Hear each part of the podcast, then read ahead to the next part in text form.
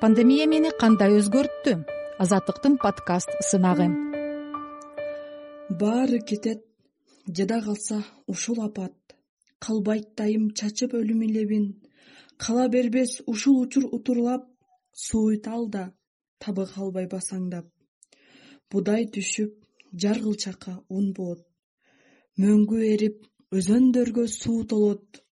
Бутак сынып жаш бутактар көбөйөт курап чөптөр жазда чыгат көгөрүп. Бакыт келет бактысыздык артынан. Жеңиш келет жеңилүүнүн айынан. Удаа келет жаман менен жакшылык. Чыдап койгун сабыр кылгын унутпа. Келет бизге жай жашообуз баштагы саламатсыздарбы? Менин аты жөнүм мая бейшенова токтогул району бир заматта жай турмушту бүлүндүрүп ойдо жок жерден түшкөн чагылган сымал өлкөмө март ортолой коронавирус кирип келди. Эзелтен мындай ооруну көрбөгөн жаныбыз бизге бирде кызык болсо бирде өлүм отун үйлөгөн тирү суук жырткыч өңдөндү түшүнүк жок. Эл маалыматтарды жакшылап анализдебей эле бири бирине таратып жатты. Өмүрү тынбаган жаныбыз бир заматта бизди төрт дубалга камап койсо күнөө кылган кишидей эч үн чыгарбай отурдук да көндүк. Биз го эсибиз бар баарын түшүнөбүз баарын көтөрөбүз. Ал эми эсине али кире элек түшүндүрсөң дагы түшүнбөгөн кичинекейлерге оор болду. Алар мурункудай достору менен ойногусу келет көчөгө чыккысы келет бала бакчаларга садиктерге барууну каалайт аллеяларда парктарда кафелерде эс алуучу жайларда дээрлик адамдардын саны азайып көпчүлүгү үйдө камалып мурунку жашоосун мурунку кылган иштерин эңсеп отурушат. Карантин пандемияда өткөн ар бир майрамдын өзүнүн шаңы кетип жашоонун бир кыйла оордогонун бизге билгизди карантиндин алгачкы күндөрү интернет телевизор бардык соц тармактарда ковид он тогуз жөнүндө маалыматтар козу карындай жайнады. Кечке бул жөнүндө маалыматтарды уга берип көрө берип тажап кеттик. Каналдарда эч кызыктуу нерсе жок. Жашоо бир калыпта сүзбөй токтоп калгандай. Башында өкмөт бул кырдаалга өтө олуттуу карап чектөөлөр жана тартиптүү катуу кармап оору жугузгандардын саны аз чыгып жаткан дарыгерлердин жумушу өзү эле оор. Бул оору келгенден кийин иши ого бетер оорлошту.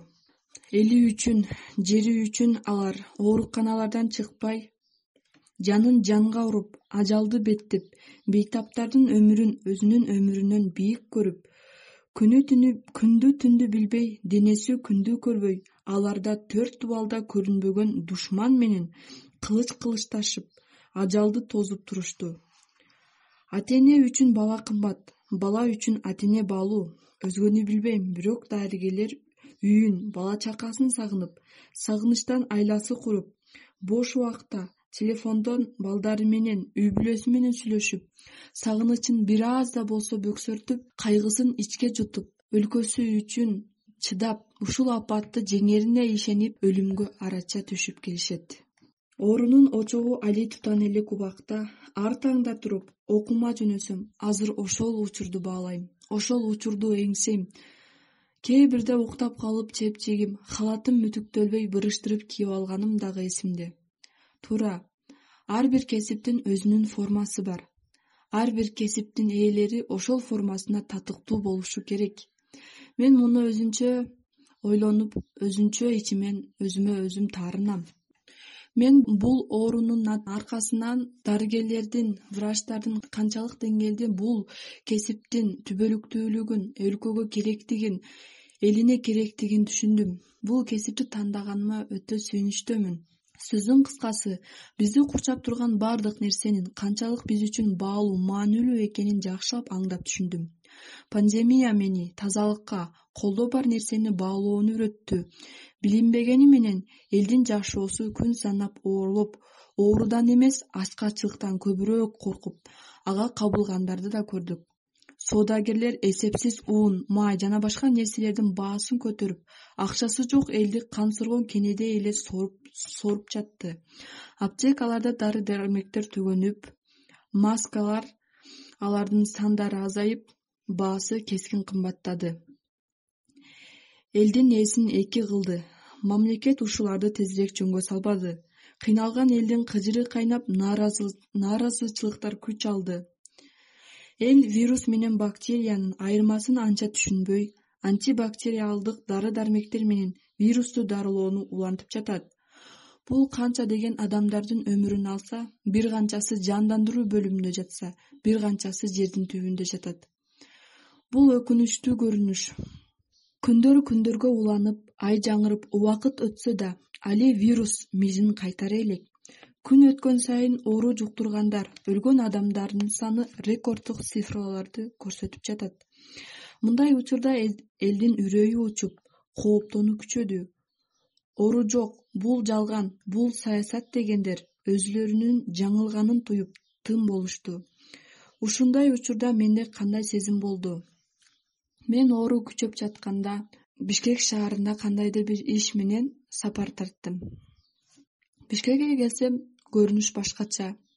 Адамдар демейдегидей эле кол алышып учурашып кучакташып социалдык аралыкты сактабай эрежелерге баш ийбегенин көрдүм. Буларды көрүп өтө кыжырданып ичимден нааразы болдум.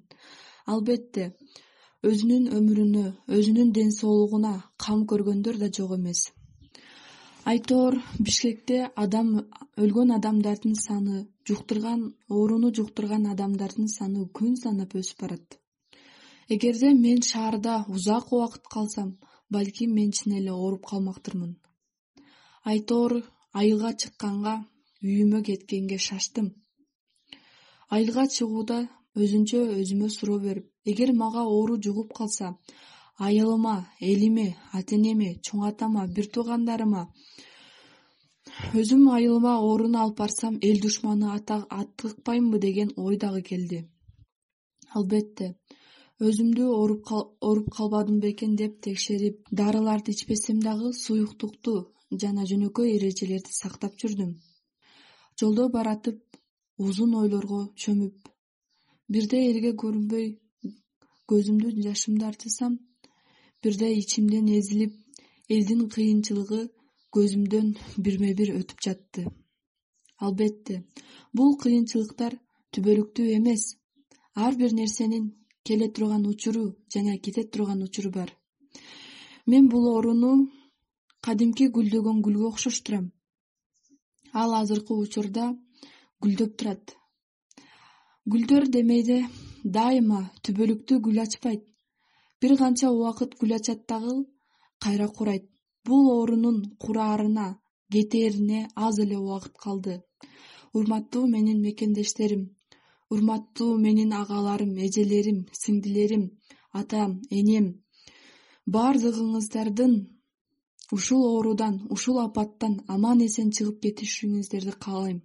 Урматтуу элим чыдаңыздар аз калды. Бул апаттан да кутулабыз жай жашообузга кайтабыз. Өзүңүздөрдү сак алып жүрүңүздөр. Пандемия мени кандай өзгөрттү? Азаттыктын подкаст сынагы